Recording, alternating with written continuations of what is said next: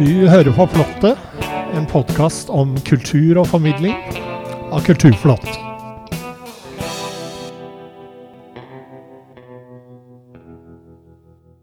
Denne julen har vi besøk av hele 29 artister. De gir oss innblikk i det de liker aller best musikk, formidling og kreativitet. I Flottet har vi også en full adventskalender denne gangen. Hver dag får vi en tekst om mytene ved julen, skrevet og fremført av forfatter, dramatiker og mytolog Terje Nordby. Så her er det mye å glede seg til, folkens. Mitt navn er Bård Andersson.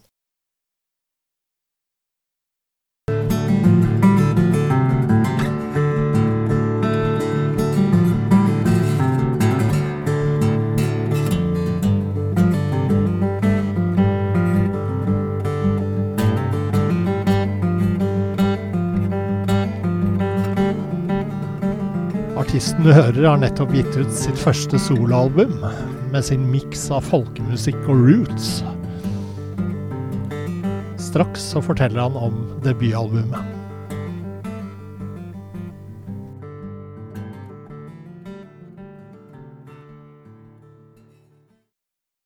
I dag har vi besøk av gitarist Åsmund Reistad.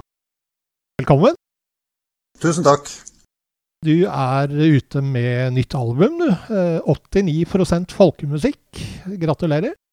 Ja, jo, tusen takk. Det var en spennende tittel. Ligger det noe spesielt bak der, eller?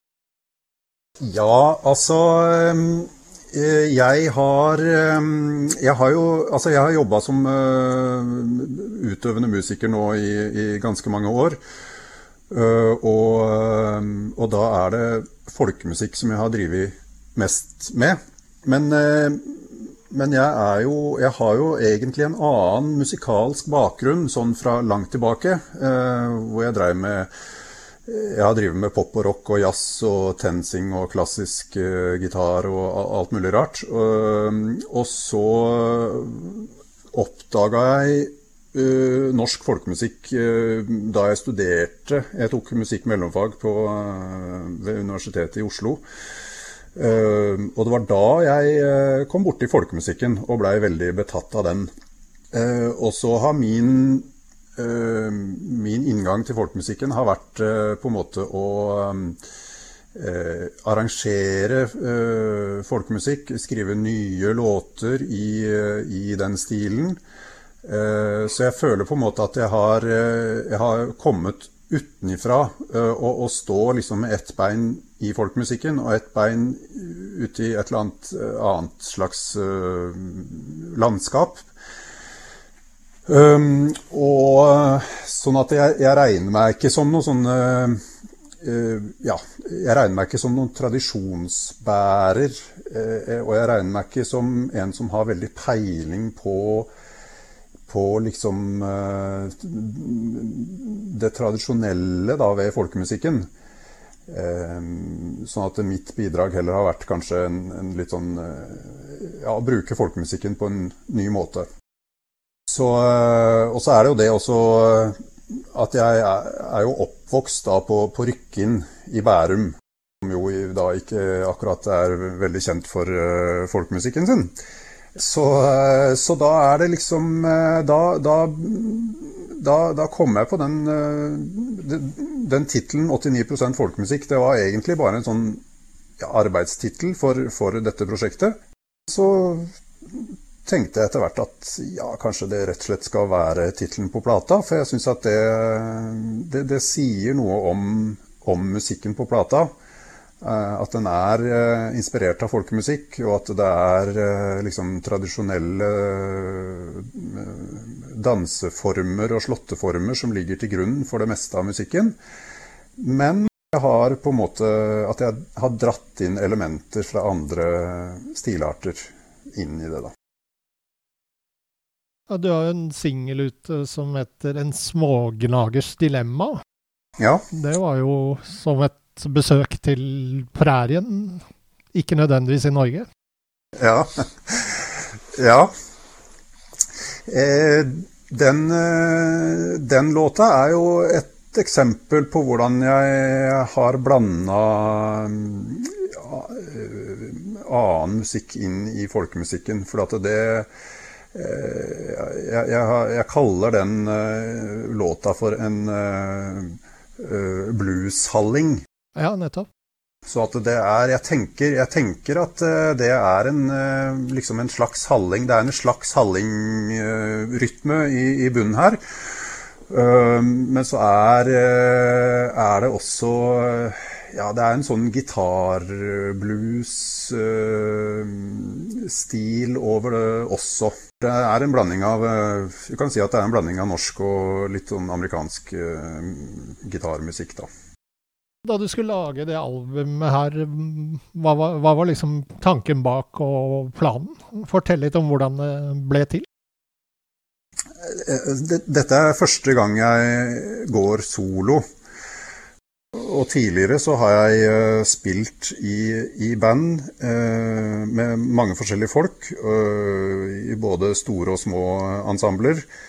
Og hvor jeg da eh, som gitarist og bassist har hatt en, en sånn komp-funksjon sånn at, eh, og jeg har spilt mye duoer og trioer med, med, enten sangere eller eh, felespillere eller trekkspill. Og da er det på en måte Da har det vært at de har vært på en måte eh, ja, solist, eller, eller, den som eh, har med melodien å gjøre, da. Mens jeg har på en måte arrangert uh, låtene og funnet måter å akkompagnere Eh, disse melodiene på. da. Eh, men så har det på en måte vokst fram en sånn eh, Et ønske hos meg om, om å gjøre Om å liksom være solisten sjøl, da. Så da har det liksom sakte, men sikkert grodd fram en plan. Uh, og, og, så fikk jeg etter hvert uh, en slags formening om, eh, om, en, om en, musikalsk vei, da. En, altså en, Jeg hadde, fikk på en måte en formening om hvor, hvor, jeg kunne ta dette her sånn musikalsk. Og så har jeg øvd ganske mye på gitaren for å liksom bli ja, for å bli god nok til å spille det som jeg hadde i hodet. Og de første låtene som er på dette albumet, de, de lagde jeg for en uh, ja, fem, seks, sju år siden, kanskje. Og jeg begynte så vidt å spille de på konserter når, var, når, jeg hadde konserter sammen med i forskjellige band. da prøvde jeg å lure med en, en sololåt uh, når det passa. Så, uh, men så etter hvert uh, så, så, skjønte jeg at liksom her nærmer det seg et albumrepertoar. Og da, da, da jobba jeg ganske intenst med å skrive ferdig, sånn at jeg fikk nok stoff til et album. da. Hvor viktig er musikken for deg som del av å formidle et budskap eller en stemning eller en historie? Altså Det der med å formidle en stemning, f.eks., det er jo noe som ligger veldig nært. Og, og det er jo, for det er jo altså enten en, en rolig, stillferdig, eh, dvelende eh, låt, eller noe som er mer rytmisk og, og, og heftig. Det, det, det, setter jo i gang veldig forskjellige eh, følelser eh, hos, hos, både meg og lytter. Og jeg, jeg, er veldig opptatt av um, å finne en god form på, på, hver låt også, sånn at det på en måte blir som en liten um, fortelling, kanskje. da. Det er en, en åpning og en uh, slutt, og så at det er imellom der så er det en slags uh, utvikling som er liksom organisk. Så jeg er ganske nøye med Altså En låt består jo gjerne av eh, ja, en A-del og en B-del, eh, f.eks. Og, og kanskje en, en, ekstra liten del som kommer bare én gang i løpet av låta. Eller, eh, ja. Og da når jeg liksom setter sammen disse delene til en hel låt, så er jeg ganske nøye med hvordan, eh, hvordan utviklingen blir. Hvordan lager man titler på instrumentallåter? Hva tenker du når du titulerer et spor? Det, det er ganske vanskelig, syns jeg. Det er noe som ofte så, så lager jeg en låt, og så kan det ta lang tid før jeg kommer på en god tittel. Eh, men jeg har blitt veldig opptatt av at det skal være gode titler. Altså Noen ganger så, så kan det være en låt som jeg har skrevet med Eh, med f.eks. Altså at jeg har skrevet en låt til, eh, som er en hyllest til eh, stedet jeg bor nå. Eh, som har blitt en låt som heter eh, 'Skottbupols'. Eh, mens andre ganger så Så har jeg prøvd å liksom lage noen små historier som, som jeg knytter til låtene. Og så, og så kommer det en tittel ut av det. Eh, og jeg har en eh, låt som, uh, som jeg har oppkalt etter bikkja mi, som heter Birk. Og, liksom, og så er det flere, flere, flere låter som steds Som har noe med stedsnavn i seg. da. Jeg har f.eks. en som heter Oslogryta. Og jeg har, ja, jeg har en låt som heter Gangar fra skuffen. Det er jo vanlig i folkemusikken at man eh, navngir låtene etter hvor de er fra. Eh, du kan ha en, en brudemarsj fra, fra Valsøy i fjor, f.eks. Hvordan eh, jobber du vanligvis kreativt når nye låter blir til? Det er litt forskjellig. Det, det, kan være at jeg bare sitter med gitaren og, og spiller øh, fritt Uh, bare lar fingra gå, og så plutselig så, så, er det et eller annet der som jeg, som jeg liker. Og det kan være bare, bare en bitte liten et bitte lite tema eller en liten bevegelse eller noe sånt som, som på en måte som, som inspirerer meg. Uh, eller det kan være at jeg ikke sitter med gitaren i det hele tatt, men eh, er, ja, kanskje jeg er ute og går en tur eller eh, et. Så det å liksom eh, få en sånn idé, det, det, det kan jeg nok få ganske lett. Men så er det det å klare å lage en hel låt ut av en sånn idé. Det, det er ofte en, en, ganske stor jobb. Eller det kan også variere. Noen ganger så, så sitter låta der ganske sånn med en gang. Mens andre ganger så kan jeg plundre veldig for å, for å liksom klare å lage en hel låt ut av en idé. Hvilke planer har du framover nå, resten av året og neste år f.eks.? Nei, nå skal jeg jo um, prøve å, å, å, melke denne plata. Uh, og bruke den til å uh, Jeg har jo veldig lyst til å spille konserter for folk. Nå skal jeg prøve å gjøre en litt sånn Eh, god eh, promojobb mot eh, festivaler og, og, andre arrangører. Og prøve å få spillejobber. Så har jeg Når ting roer seg litt med den, så skal jeg sette meg ned og, og planlegge neste soloplate. Nå er det snart jul. Hva betyr julen for deg? Jula er, eh, det er en veldig sånn koselig høytid som jeg alltid eh, ser eh, fram mot. Um, og det er en høytid som jeg har, jeg har veldig mye gode minner fra, fra, barndommen. Og jeg har også Jeg syns nå når jeg liksom har fått uh, egen familie, så, så, er jula blitt en, en veldig sånn Eh, ja, det er en høytid som, eh, som, vi setter veldig stor pris på. Og jeg er veldig glad i førjulstida. Det er en veldig god tid, jeg, og da er jeg veldig glad i å ikke ha så mye å gjøre. Ikke være så mye ute på reise og sånn. sånn at jeg liksom syns det er veldig koselig å ta det med ro hjemme og kose meg. Har du en eh, favorittjulesang? Ja. Eh, for noen år siden så, så, var jeg, eh, så, var vi ute på en sånn juleturné med, med Åsmund Nordstoga og Gunhild eh, Sundli.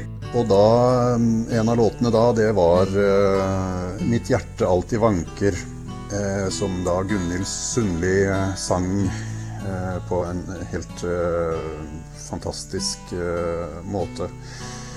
Så det er, en, eh, det er jo utgangspunktet en veldig fin eh, låt, og den har jeg ekstra gode minner med nettopp fra, fra de julekonsertene der med Gunhild. Eh, Jul er jo også film for mange. Eh, Har du en ju favoritt-julefilm også? Da er det jo veldig vanskelig å komme utenom eh, Donald og vennene hans da, på julaften.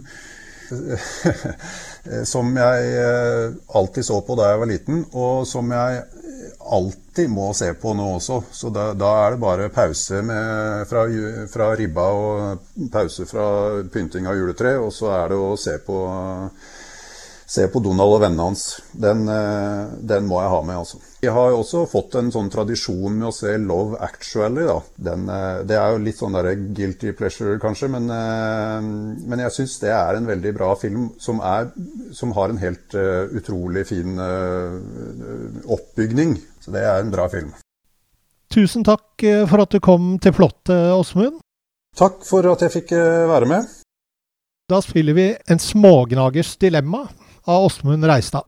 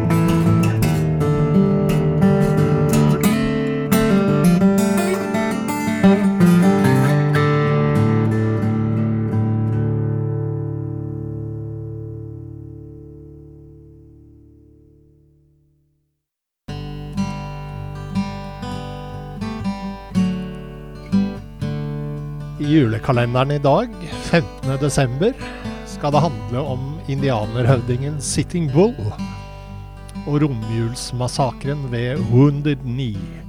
Terje Nordby forteller.